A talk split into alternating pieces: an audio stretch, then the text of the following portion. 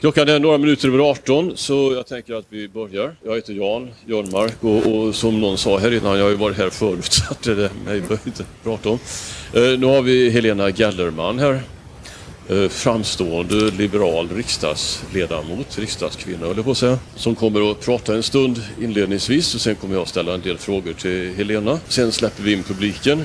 Vi räknar väl med att vi håller på till någon gång strax efter 19 eller något liknande. Helena är, är Liksom, ja, för att, att förbereda mig för det här så lyssnade jag på en väldigt intressant podd med, med Helena. Intressanta möten heter den väl. Fick en bild av e- en väldigt mångfacetterad politiker.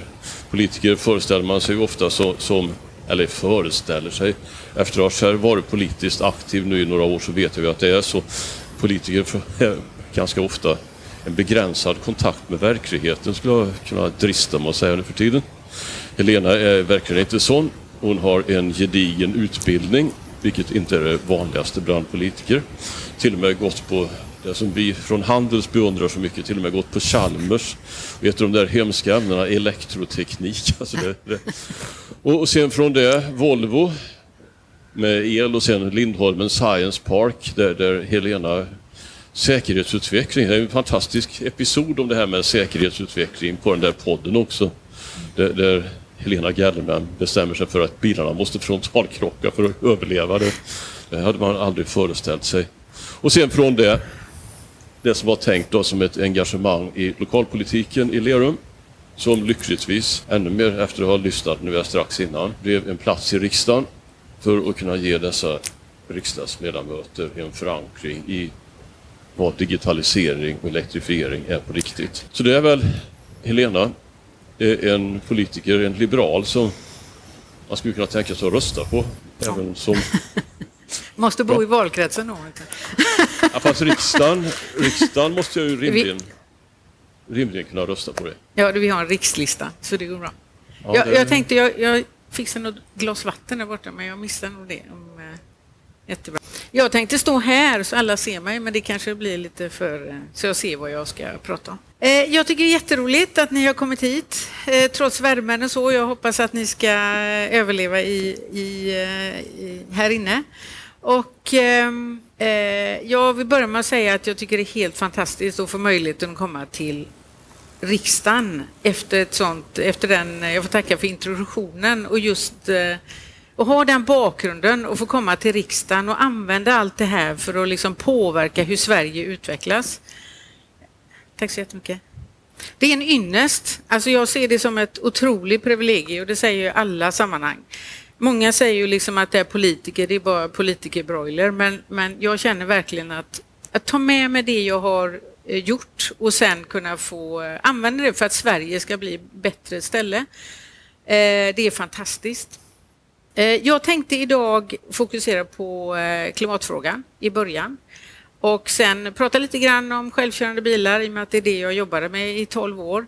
Och sen sluta just med det här lite grann runt eh, politiker. Jag tänker inte prata så jättelänge för jag tycker det är viktigt att, för mig är det väldigt viktigt att vi har en dialog, apropå namnet på Eh, hela den här seminarieserien Levande demokrati, att det är oro, otroligt viktigt att vi har en, en, en diskussion mellan eh, jag ska inte säga välja, men invånarna och politiker, för vi ska ju företräda invånarna. Då.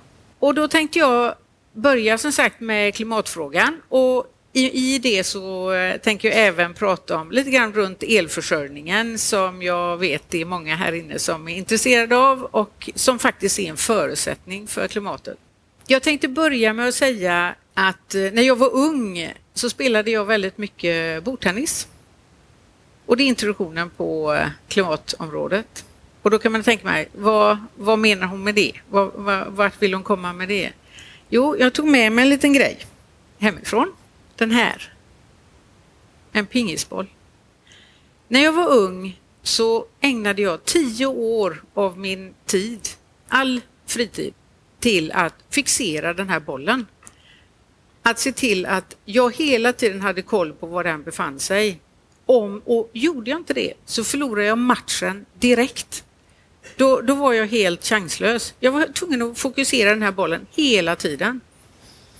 Och jag tycker det, när jag förberedde mig inför det här så tänkte jag att det är ganska talande för det är precis samma sak vi behöver göra när det gäller klimatet. Vi måste hela tiden fokusera utsläppen så att vi, så att, och, så att vi inte börjar göra massa pseudoverksamhet. Utan det är utsläppen vi måste titta på. Hur kan vi få ner dem? Och hur kan vi fånga in det som vi redan har? Så därför har Eh, det här med pingisbollen en väldigt symbolisk eh, eh, verkan på mig, att fokusera utsläppen. Jag kan säga att det är många partier som inte gör det.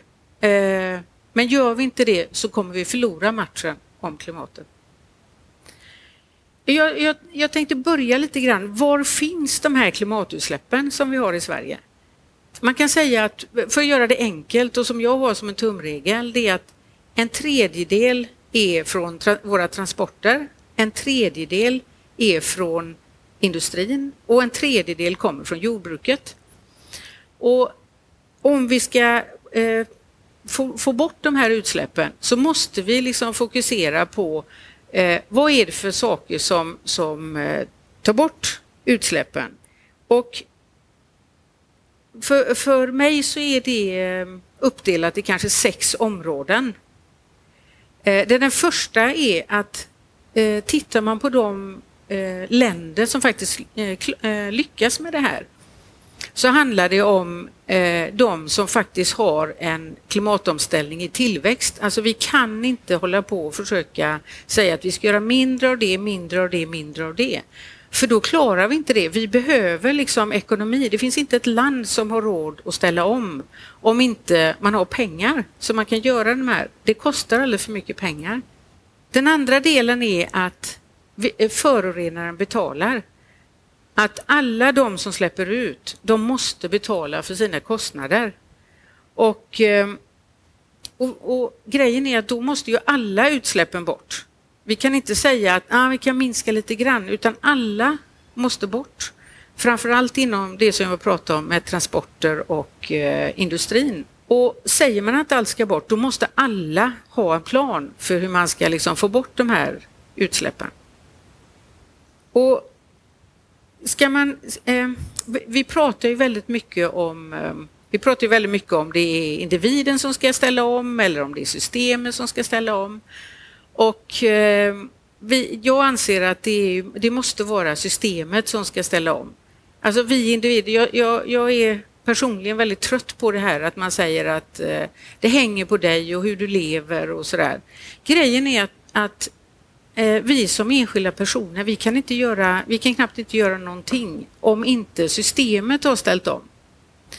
Eh, tittar man på transporter till exempel så måste företagen, de måste ha producerat bilar. Och eh, vi från politiken måste trycka ut så man har någonstans att ladda de här. Man måste kunna ladda. Det är ingen som köper en bil om man inte kan eh, ladda där man bor eller där man arbetar och där man reser. Och då är det liksom på systemnivå som man måste ställa om. Så för mig personligen så när jag kom till riksdagen så blir jag lite förvånad över liksom hur man pratar väldigt mycket och skambelägger liksom individer. En annan sak är att vi måste elektrifiera allt som är möjligt. När jag kom upp i riksdagen så eh, när jag kom in på i trafikutskottet så eh, pratade vi en hel del om, om eh, klimatet och vad vi kan göra. Och diskussionen handlade om om vi skulle kunna få folk att använda kollektivtrafiken eller om vi kunde få folk att cykla. Och för mig som ingenjör så var det en väldigt konstig diskussion och det, det sa jag också i, klimat, eller i trafikutskottet. För jag, om, det, om, man tittar på transporter så kommer alltså över 90 procent av utsläppen kommer från bilar och lastbilar. Och hela trafikutskottet de fokuserade på kollektivtrafik och cykel. För mig var det jättekonstigt. Om, alltså som ingenjör, om över 90 procent av problemen ligger där, varför tittar vi i den riktningen? Då måste vi ju titta i den riktningen och se vad kan vi göra för någonting? Eh, och, och, och eh, jag tror att jag lyckades att vrida trafikutskottet och få ett större fokus på, på just eh, hur kan vi elektrifiera vägtransporterna. Jag berättade just för Jan här när vi, vi eh, eh, pratade lite innan, att eh, när jag kom till... Det är så att trafikutskottet en, en gång varje mandatperiod så åker man iväg på en längre resa. Och, eh, och när vi hade uppe det till diskussion så sa jag direkt, alltså jag hade tänkt innan, hur kan jag få trafikutskottet att hänga med på liksom, hela den här elektrifieringen och klara klimatet och så. Och då när det kom upp, vilken vart ska vi resa? Då tänkte jag, jag, kan inte se, jag kommer ju inte kunna sitta här och berätta liksom, eh, vad jag, de kommer, det är ju ingen som kommer lyssna på mig. Liksom. Jag är en av 17 stycken, jag är ny och sådär. Men då föreslog jag att vi åker till Kalifornien. Och det blev så. Alla tyckte det var, och jag hade ju förberett lite och lite, liksom, vi ska titta på det här och det här och det här tyckte jag då. Och, och, då tyckte alla i trafikhuset, jättebra idé. Så halva trafikutskottet åkte iväg till Kalifornien och tittade på, vi var på Stanford, vi var på Tesla, vi var på Apple, vi var på Los Angeles hamn. Ja, vi var på en rad olika ställen bara för att man ska få en känsla, var är tekniken idag? Och det är ju också det här ehm, att det är viktigt att man måste se, man måste uppleva själv för att ta åt sig ett budskap. Vi hade ju inte kunnat liksom ha... Det är svårt eh, att stå på en scen och berätta om allt det vi liksom... Eh, om hur det är i Kalifornien. Man måste vara där, man måste uppleva det liksom. Och sen dess så fick vi en mycket bättre dialog, tycker jag, i trafikutskottet. Jag, eh, när det gäller elektrifieringen så ehm, så eh, mycket av det här när vi bygger järnvägar, när vi bygger eh, kollektivtrafik och så, så, så säger man, vi måste göra det för klimatets skull. Problemet, problemet är där att eh, om man, om man säger, säger det så det tar liksom tio år att bygga en järnväg.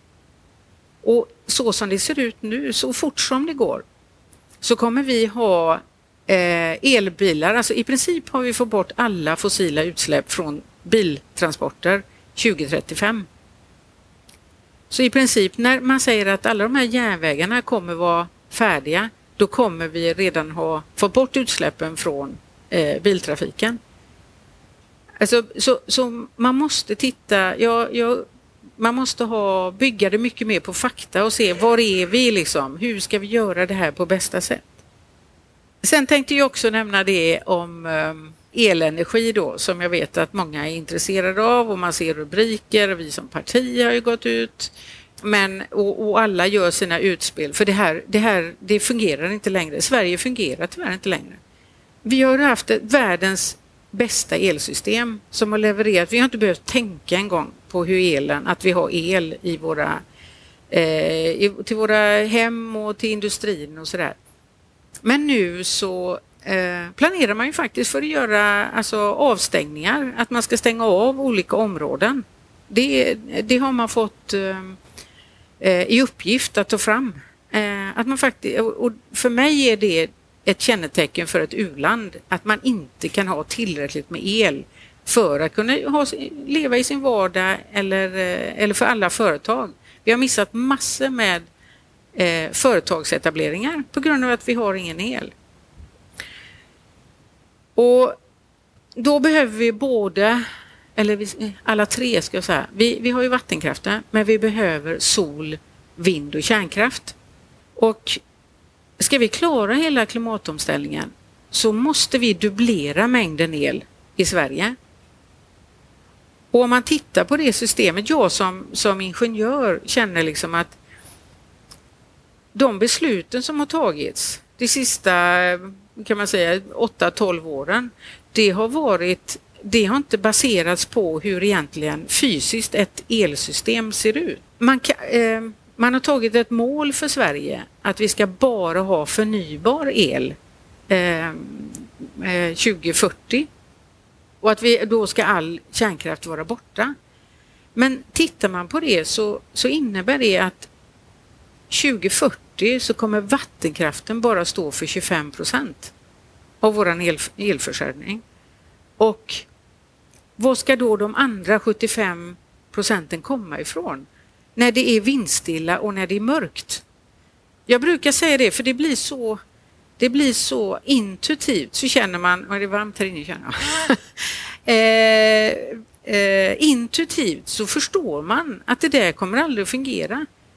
För, för om det är vindstilla och det är mörkt så vi kan liksom inte chansa med Sverige. Vi måste ha någonting som vi kan planera elproduktion. Och det är därför som vi som parti står bakom kärnkraften. För vi ser att det här systemet fungerar inte. Alltså jag skulle ju inget hellre säga vi behöver inte kärnkraften. Det är liksom inget vi... Alltså jag skulle gärna ta bort kärnkraften och istället ha jättestora lager eh, Eh, med el som, som när det är vindstilla och mörkt så skulle vi kunna ösa energi ut från dem. Men den tekniken finns inte. Och det är enorma mängder el som behövs om vi ska liksom kunna eh, ha ett stabilt system och slippa de här nedsläckningar. Eh, då. Så kärnkraften är ju det enda, den enda elproduktionen som vi kan bygga ut. Vattenkraften vill vi inte röra eh, och det är jättehårda krav i EU. Så kärnkraften är det enda vi kan idag eh, bygga ut. Förhoppningsvis kan vi bli av med den om 40 år om vi har kommit på ny teknik, hur man ska lagra el och så. Och, eh, men nu är vi där vi är. Alltså vi har ju ett system som, som faktiskt inte fungerar längre. Jag ska bara vara politisk på en punkt eh, idag och det gäller det här. För att det är faktiskt så att Vattenfall planerade för att göra kärnkraft som skulle ha börjat köra 25-26, alltså om några år. Så hade vi haft kärnkraftverk som hade kunnat producera mer och vi hade kunnat ha de gamla kvar.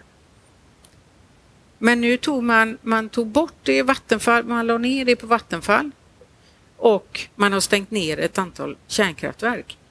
Och det gör att vi här nere kan inte få ner eh, tillräckligt med. Och det, detta gällde ju innan, innan liksom hela Ukraina-krisen och sådär. I och, med att vi inte, I och med att vi har lag, lagt ner kärnkraftverk här nere så kan vi alltså inte, även om vi har elsystem, alltså ledningar från norr, så kan vi ändå bara, på grund av att vi inte har en stabilitet här nere i och med att vi tagit bort kärnkraftverken, så kan vi inte få ner elen från norr. Vi kan bara få ner ungefär två tredjedelar av det som, som man skulle kunna föra över om vi hade haft kärnkraften kvar. Så att det är så många det är så många systemfel som har gjorts som gör att vi sitter med, med de här höga elpriserna idag. Och då får man göra så, man får både tänka framåt, vad, vad behöver vi göra för att liksom eh, få mer el? Men vi får också tänka liksom, vad kan vi göra här och nu?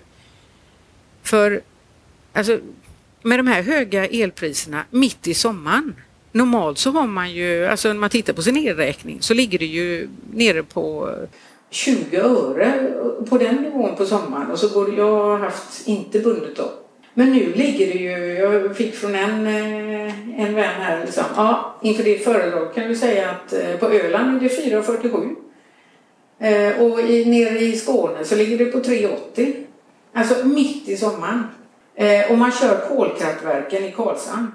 Alltså det, det är verkligen, det, det, fungerar inte. Men då måste man ju göra någonting. Vad kan vi göra som politiker för att lätta på det nu och samtidigt bygga Eh, för framtiden. När det gäller att bygga för framtiden så, som jag var inne på, det här med kärnkraft. Jag, jag säger, ja, vi behöver kärnkraft idag. Vi måste ha det, för vi klarar oss inte utan det. Men vi behöver också vind och vi behöver sol. Och vi pratar så himla mycket om kärnkraft. Så liksom folk tror att eh, man inte vill ha vindkraft. Men vi behöver allt. Vi, vi har inte råd att välja. Vi måste ha havsbaserad eh, vindkraft. Vi behöver landbaserad eh, vindkraft. Och vi behöver mycket mer kärnkraft för att det här ska funka framöver. Men om man tittar här och nu för att liksom se till att företagen inte går i konkurs eller att eh, eh, vad heter det, hushåll, och, och, nu pratar vi inte bara om hushåll som, har, eh, liksom, som, som lever knapert idag utan vi pratar om Ja, du får ha ganska bra inkomster för att du inte skulle bli påverkad av de här priserna. Så har vi sagt att alltså, staten har ju tjänat jättemycket pengar på eh, de här höga elpriserna i och med att man lägger på moms, 25 procent. Så staten, alltså statskassan har ju fyllts på rejält av den här krisen med elen. Och vi säger att nu, eh, att, eh, nu måste vi skära ner på momsen. Är det min? Nej, okay. jag tänkte, det är samma signal för alla. Vi sa nu, nu får vi använda de pengarna som vi har dragit in. Och så får vi sänka momsen från 25 till 6 procent på el. För elen är fossilfri i Sverige. Det är en bra, det är en bra, det, ja, det är bra energislag liksom. Och plus att eh, vi måste ha samma, vi måste ha enhetliga priser i hela Sverige. Så det är två sådana saker som man kan göra här och nu. Men att bygga ut elproduktionen, det tar lång tid. Både för vind och kärnkraft. Så vi sitter ganska tufft till och det är baserat på beslut som man har tagit bakåt i tiden. Och det är en frustration för mig som ingenjör. För det här hade man kunnat se. Alltså, det är, en, det är en annan utvikning, men jag är ju väldigt mycket för tjänstemannaansvar. Alltså att tjänstemän, eh, både på, på regeringskansliet men även i kommunerna, att de måste ha egentligen ett lagligt stöd för att säga till oss politiker att ja, ni kan ju liksom eh, tycka att ni ska besluta det, men det här kommer att påverka det här och så här, så här. Om jag jag kan inte, jag måste redovisa så här är det, sen kan ni ta vilket beslut ni vill. Men så här säger jag som tjänsteman liksom, det här kan inte jag göra på mitt ansvar. Då är det ni som får ta beslutet. Men det är en annan diskussion. Men, men vi måste ha mycket mer eh, att man står upp för den kompetensen man har och säger att det här funkar inte. Nu ska vi se vad klockan är. Fem minuter. Lite kort om, om eh, vad vi kan göra också Eh, för att få, eh, få bort utsläppen det är att vi kan eh, samla in koldioxid från skorstenar. Vi har satt som mål att vi ska eh, samla in 10 miljoner ton. Det är ju en siffra bara. Det är svårt, om man inte är inne i det här så är det svårt att förstå vad det är. Men det är lika mycket som alla personbilar släpper ut på ett år. Så det har en otrolig potential. Och det vill vi samla in redan eh, 2030 och sen ännu dubbelt så mycket 2035. Så koldioxidinfångning och så är jätteviktigt. Och sen också att vi använder naturen. Att vi, att, eh, vi ser till att skogen samlar in det den eh, kan. Men också att vi använder haven, för haven använder man... Eh, det, vi diskuterar inte havet så mycket. Det är jättekonstigt, men inom klimatpolitiken så diskuterar inte vi den. Men där kan allting som växer i haven suga åt sig koldioxid. Och en annan eh, intressant område är att eh, valar, alltså de valarna som simmar omkring i våra hav, de tar, de tar åt sig koldioxid eh, flera hundra miljoner ton per år. När de dör så sjunker de till botten och så släpper de inte ut koldioxiden. Det är alltså valarna som simmar i våra hav, de tar in alltså sex gånger så mycket som Sverige släpper ut. Så hela den, alltså jag tar upp min boll igen. Jag säger, alltså vi måste börja titta på den här. Vad är det som gör, vad är det som släpper ut koldioxid och vad är det, vilka områden eh, kan vi liksom kan hjälpa oss och framförallt i naturen som är sådana stora resurser då. Så om vi tittar på den så tror jag om vi tittar riktigt noga på utsläppen så tror jag att vi kan eh, klara klimatet. Jag, jag, är, jag är övertygad, men sen gäller det ju och, eh, att man får igenom all den politiken som man behöver. Då. Jag tänkte jag stannar där om klimatet och sen bara väldigt kort tänkte jag nämna eh, självkörande bilar. Jag har ju jobbat med självkörande bilar i 12 år innan jag kom in i riksdagen. Eh, jag var projektledare för ett stort EU-projekt med 11 stora biltillverkare där vi skulle se hur funkar det här med självkörande bilar. Vi, vi samlade in data eh, och den datan använde vi sen för att lära självkörande bilar. Alltså, vi samlade in data för hur, hur kör vi när vi kör bil? Och sen använde vi den datan för att lära bilen, en självkörande bil, hur kör en människa? Bara för att när vi åker på motorvägar och i stan så här så måste ju den självkörande bilen eh, uppföra sig så som vi gör. Så det var ett jättespännande område. Jag kan säga att Volvo och Chalmers och de, de undrar ju liksom, hallå, eh, alltså du, du jobbar med sådana här otroligt intressanta framtidsämnen och sådär och så vill du till riksdagen. De tyckte att, eh, ja, men eh, jag tyckte att eh, ja, det är fler som kan göra det jag kunde göra här, men jag tror att jag kunde bidra mer, mer i riksdagen. Då. Men det här med självkörande bilar, alltså det, det kommer ut bilar nu 2022 som, eh, som kan, köra, som kan eh, köra självkörande. Alltså riktigt självkörande. Där bilen tar över. Där den, du ska inte sitta och småhålla i ratten utan de verkligen tar över. Så säg om tio år, då kommer, då kommer liksom våran, våran eh, syn på transporter kommer bli helt annorlunda. Och eh, jag satt på en, eh, en middag bredvid han som var ordförande i USDOT, alltså i USA, han som är ordförande för motsvarigheten till trafikutskottet. Och Kalifornien som jag berättade om tidigare, de ligger väldigt långt framme också när det gäller självkörande bilar. Och så jag frågade, hur kommer det sig att ni inte har liksom lagstiftat för hela eh, USA? Och då sa han, det beror på en enda fråga. Det är, vi kunde inte komma överens om vem är ansvarig om det händer en olycka.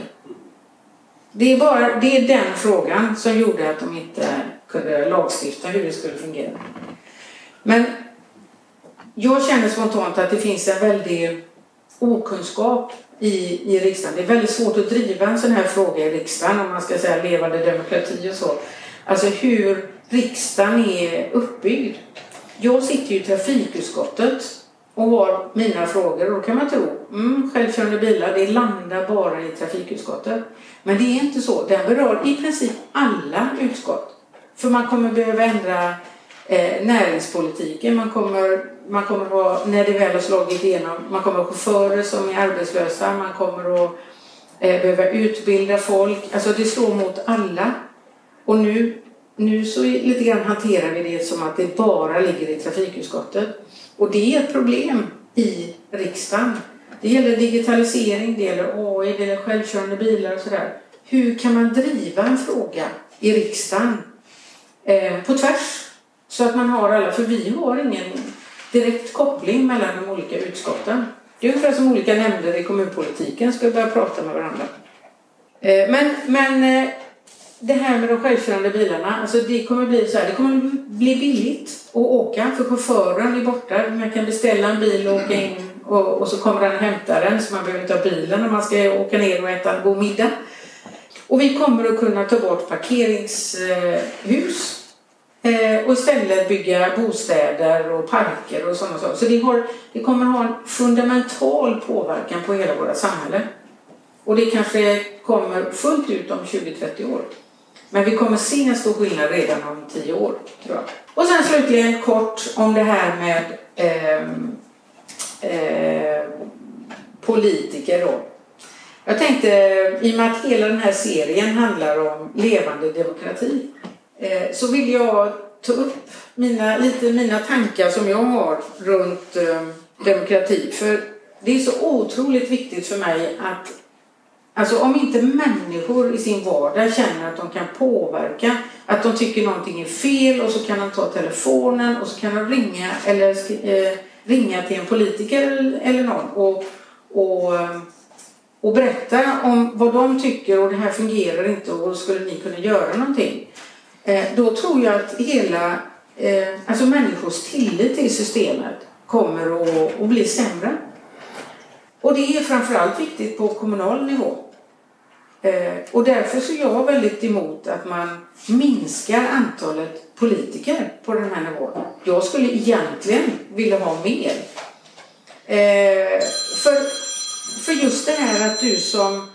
Får vi mindre och mindre platser då kommer vi ha färre som har en granne som är politiker. Och då känner man, då tappar man den här kopplingen till att, att eh, eh, att man kan prata med, om politiker om saker och föra saker vidare och så tappar man tilltro till systemet. Så jag hade ju gärna sett eh, till och med mindre pengar till politiker men att vi hade fler politiker då. Så man, det blir den här representationen. Och representation för mig, alltså det som jag har sett när jag varit uppe i riksdagen så är det väldigt, inom alla partier så är det väldigt mycket personer som har gått, varit med i ett ungdomsförbund och sen har gått vidare på olika sätt. Eh, de, några kanske utbildar sig men de har ändå jobbat inom politiken. Då. Eh, och det, det är, för mig är det ett orosmoment. Alltså vi måste få in mycket mer människor och underlätta det här att du har jobbat ett tag, du kanske jobbat 10 år, 10-15 år och så går du in och så är du i, så blir du liksom, kandiderar du och får du eh, mandat då så kanske du är där i 4-8 år och sen går du tillbaka och börjar jobba igen. Alltså den här, men vi måste ha in många fler som har erfarenhet av och, och erfarenhet av hur verkligheten ser ut. För för mig så är det alldeles för mycket det här med talepunkter och alltså prepp och hur, kommunikation och sådär och för lite liksom, kompetens. Man märker väldigt tydligt när man, när man träffar folk som har eh, Alltså som, som bottnar i det, som kan ta det utifrån sin verklighet och har jobbat med det som de sen sitter i riksdagen och jobbar med. Sen får man ju inte driva sin sak. Du måste ju ha politiker som kan liksom skilja på nu representerar jag Sverige. Nu ska jag liksom, eller liksom, jag representerar min valkrets. Men sitter man i riksdagen så är det ju faktiskt att man fattar beslut för hela Sverige. Då måste man ta ett ansvar för hela Sverige. Men ja, vi behöver få in betydligt fler personer som, eh, eh, som har utbildat, eller utbildat sig och jobbat eh, med olika saker. Och då pratar jag om allt. Alltså sjuksköterskor, lärare, jurister, eh, ja, allt. Eh, för att vi ska kunna bryta olika åsikter mot varandra i riksdagen och inte bara det här partipolitiska. Jag tänkte faktiskt eh, stanna där och sen tänker jag att jag, eh, det, det är roligare eh, för mig om vi kan ha mer dialog och så veta vad ni är intresserade av. Och så. Det är väldigt varmt att stå här uppe så, med lamporna och så. Men jag kan ju... ja, just det. Okej, okay. kanske... Nej, men det går bra. Jag har tre frågor egentligen som jag tänkte på. Och, och jag tänkte börja med el. El och digitalisering och politik. Men eftersom du slutar med politik så tänkte jag att jag, jag slutar där som du, eller börjar där som du slutar. Och, och det du säger är väldigt relevant. Mer relevant. Människor måste ju... Det, det, vi hade ju i våras var flera stycken imponerande lokala politiker vi hade. Eh, en person som jag, jag var alldeles tagen av det var ju Torkel Strandberg ifrån, ifrån Landskrona. Mm. Då började jag fundera på om man inte skulle rösta på Liberalerna. Eh, eh, en helt osannolik person. Jag var nere och träffade honom i Landskrona också innan.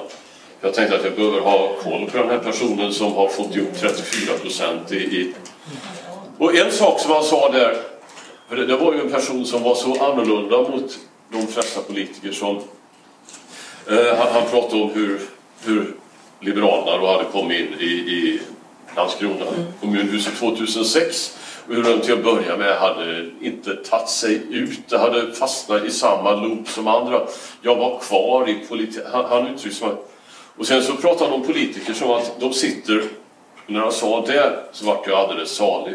De sitter och babblar i en bubbla. Mm. Det, det, det, det är ju, jag har en viss politisk erfarenhet själv nu för tiden för jag satt i jag har ju suttit på insidan utav... Och, det var en så perfekt sammanfattning utav politiker. Och det knyter an egentligen till elektrifieringen för politikernas otroliga förmåga att fastna i små detaljfrågor och inte se mm. systemet som sånt. Det är helt mm. otroligt. Mm. Och det, det, måste ju vara knutet till den här oförmågan att få in människor. Jag vet inte om du själv har tänkt runt det, men det här babblandet i en bubbla, göra sig själv irrelevanta, inte nå ut. På något vis jag kommer att se det som politikens tragedi alltså.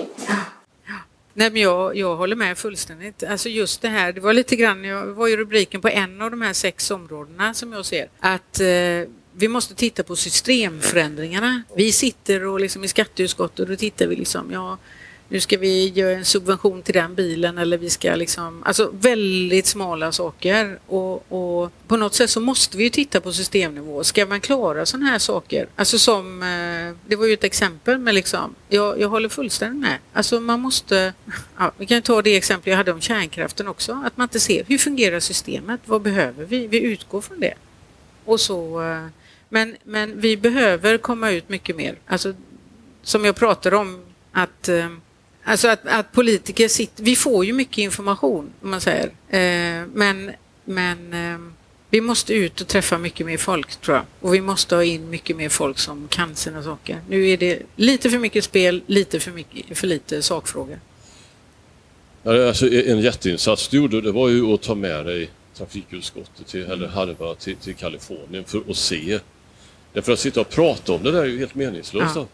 Det går inte. Du måste upp, en sån grej måste du uppleva. Folk var helt saliga när vi var på Stanford och vi fick prata med deras researchchef eh, eh då. Och han berättade om allting som de gör. Och sen så var vi på eh, Hyperloop och fick se de här eh, eh, snabba tågen. Eh, vi var såg elflyg, vi såg eh, vi var på Tesla och fick se deras produktion så man fick verkligen se hur stora, alltså gigant, alltså de var ju så här stora ett batteri som de, satt, som de eh, liksom satte upp i bilen. Alltså man får, en, man får en bild av vad det är vi pratar om när vi sitter i, i eh, utskotten. Då. Och det är oerhört viktigt för du måste ju veta hur det fungerar. Annars så vet du inte om du kommer rätt i politiken. Jag kan säga, jag satt ju med i januariavtalet då och förhandlade vissa saker. Och vi, vi, vi pratade bland annat för att få igång elektrifieringen av tunga fordon. Och, eh, och då fanns det ett förslag på bordet, liksom hur mycket, hur mycket vi skulle subventionera en, en lastbil för att vi skulle liksom börja få ut dem på marknaden. Och jag hade bara gjort en enkel kalkyl. Liksom. Ja, men det är ingen som kommer köpa, den är fortfarande alldeles för dyr. De har, alltså transportföretagen har en marginal på 2-3 procent. De har inte råd att köpa en lastbil om de inte får mer i subvention. Och det blev ett jädra liv kan jag säga. Att jag väl, om jag får uttrycka mig så. Men, men liksom, eh, ja, det, det, men eh, till slut så kom de tillbaka stående på och sa jag hade rätt. Så. Men, eh, alltså, men det är ju för att man, man, man, man utgår från den som ska använda grejerna. Vad innebär det för dem liksom? Det är samma med elpris och sådana saker. Jo, när jag gör meningsfulla studieresor till Kalifornien eller vad som helst, det, det är ju väldigt mycket sådana resor. Ett av de här bolagen som jag sitter i Göteborg nu, jag sa nej till att åka med därför att jag kan inte se meningen med att åka dit som det skulle åkas. Alltså, då tycker mm. jag ska, att jag ska slarva bort skatten. Däremot mm. kunde jag tänka, för jag kan den frågan rätt väl, ett antal ställen som man verkligen... Alltså då måste jag mm. planera i sånt fall. Mm. Jag har en god vän som, som är kommunstyrelsens ordförande i Östra Göinge, en kommun i norra Skåne. Han har varit extremt framgångsrik. Det, det, det är otroligt hur han har fått sitt partis... Det han gör det är att han ger sig ut en dag i veckan i verksamheten där nere. Mm. Det är skolbespisningar. Det skulle man ha med i att man gav sig ut, stod i en fabrik en gång, jag har ingen aning. Att man, eh, att man kommer ut.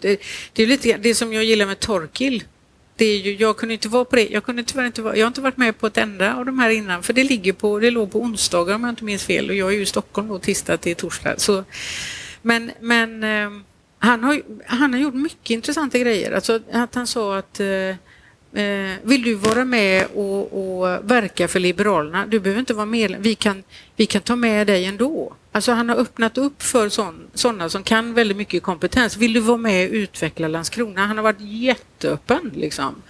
Eh, men ändå haft en kurs. Men just alltså ett inbjudande till de som verkligen vara, vill vara med och förändra. Och det har ju slagit väldigt bra ut, om man säger. Jo, han, då, det handlar om att öppna systemet och då, då ja. attraherar du antagligen människor också. Mm. Det, det... Och tittar man på Lerums kommun, vi har ju hur mycket kompetens här i Lerums kommun som helst. Vi skulle kunna använda den till att revolutionera kommunen. Nej, men alla som, som jobbar liksom, eh, har jobbat i 40, 30, 40 år och har en otrolig kompetens. Eh, man hade kunnat använda den för att utveckla politiken på ett helt annat sätt och även på riks. Vi gör ju studiebesök men det blir liksom ja, det blir ju bara enstaka. Jo, nej, det behövs ju. Alltså, det, du behöver få ett annat tempo, ett annat... Det, det, så annars kommer du inte att attrahera duktiga människor, då går de någon annanstans. Det, mm. det. Precis. Jag bara ska ställa en sista fråga här, sen ska jag släppa in. Men, men elektrifieringen, vi, vi är väldigt överens du och jag om elsystemet nu att det här är så illa så att det liknar ingenting. Mm. Alltså, mm. Fem öre i Norrland så att du kan hitta på fantasiprojekt med järnsvamp och fem mm. kronor i Skåne så att du får stänga industrin snart. Det, det, det, det, vad gör man omedelbart? Alltså, sen har du det svarta hålet nere i Tyskland också där de har stängt av sin el. Ja. Hur, hur hanterar man detta? För det ser inte bra ut. Nej, alltså för mig är det ju en tragik när det gäller Tyskland. Tyskland har ju varit EUs motor Eh, med industri och allting sådär. Men de är ju helt bakbundna nu. Den politiken som de har använt, de har lagt ner alla kärnkraft och gjort sig beroende av rysk gas, det har ju satt hela EU i gungning. Och det är ju också det här att man inte, man har reagerat på olyckan som var i Japan och så och liksom, ja, nu, nu måste vi liksom, och så har det, de gröna då varit med och, och tryckt på och så har man liksom lagt ner alla kärnkraft och det är därför vi sitter i den här situationen. Och det påverkar ju också oss också med de elpriserna vi har. Men just nu, alltså det som man kan göra hyfsat snabbt, det är att bygga mer vindkraft. Men att, att bygga havsbaserad vindkraft och kärnkraft, det tar ju kanske 10-15 år. Och det är precis i den här omställningen. Så det är ett jättetufft läge för Sverige. Men om man säger för privatpersoner och företag så är det ju eh, vi måste ju se till att staten går in och hjälper till. Jag gillar inte subventioner, jag gillar ju liksom mer eh, och, det, och det är därför som vi man kan, man kan antingen ge bidrag eller så kan man sänka skatten. Och vi är ju mycket mer för att liksom sänka skatten, att det som, som eh, staten tar in och så får folk liksom använda de pengarna till det de eh, vill använda pengarna till. Men på kort sikt det, det kommer vara ett tufft läge i, i kanske ja, 8-10 år framöver. Om vi, ska, om vi ska klara klimatet. Ja, nej, men det är ett ruggigt läge. Mm. Det, det, det börjar ju faktiskt... Finns det åtminstone på det som nu då, om det skulle bli en kallar ny borgerlig allians, den som vi har idag. Finns det i den någon, någon form av majoritet för att ha, göra ett elområde av landet? Jag har inte varit med i de eh, förhandlingarna eh, så jag vågar inte svara på det. Jag vet ju att vi driver det. Och man kan säga att det är vi som har drivit kärnkraften, det är vi som har drivit väldigt många saker och sen har andra tagit över. Jag hoppas ju att det ska finnas eh, med i deras politik också. Men mig veterligt så har vi inte förhandlat det än. Nej, det, det, Det är en sån sak. Det är lustigt hur någonting som var så självklart har blivit en central politisk fråga. Ja. Just därför att Det- politiken inte förmår hantera verkligheten. Nej, eller egentligen jobbat mot verkligheten, så Ja, skulle vi jag och vilja uttrycka och det. bubblar. Ja. Nu ska Nu inte jag ställa mer frågor. Jag skulle egentligen fler, men publiken måste naturligtvis komma in. Så vi tar de frågor som finns. Ja, eh, stort tack till Helena och, och till publiken som har ställt frågor. Jag tycker det har varit en givande kväll. Fantastiskt det här med el också som har varit en sån absolut nollfråga som politiken genom en serie vanvettiga beslut har gjort till största politiska frågan. Ja, det ja. Makalöst. Men som sagt, det är absolut inte ditt fel, tvärtom. Stort tack. Ja, tack så och mycket. Det finns, finns frukt och så vidare här Ja. efter. Tack. Jag finns kvar här om ni har några frågor och så.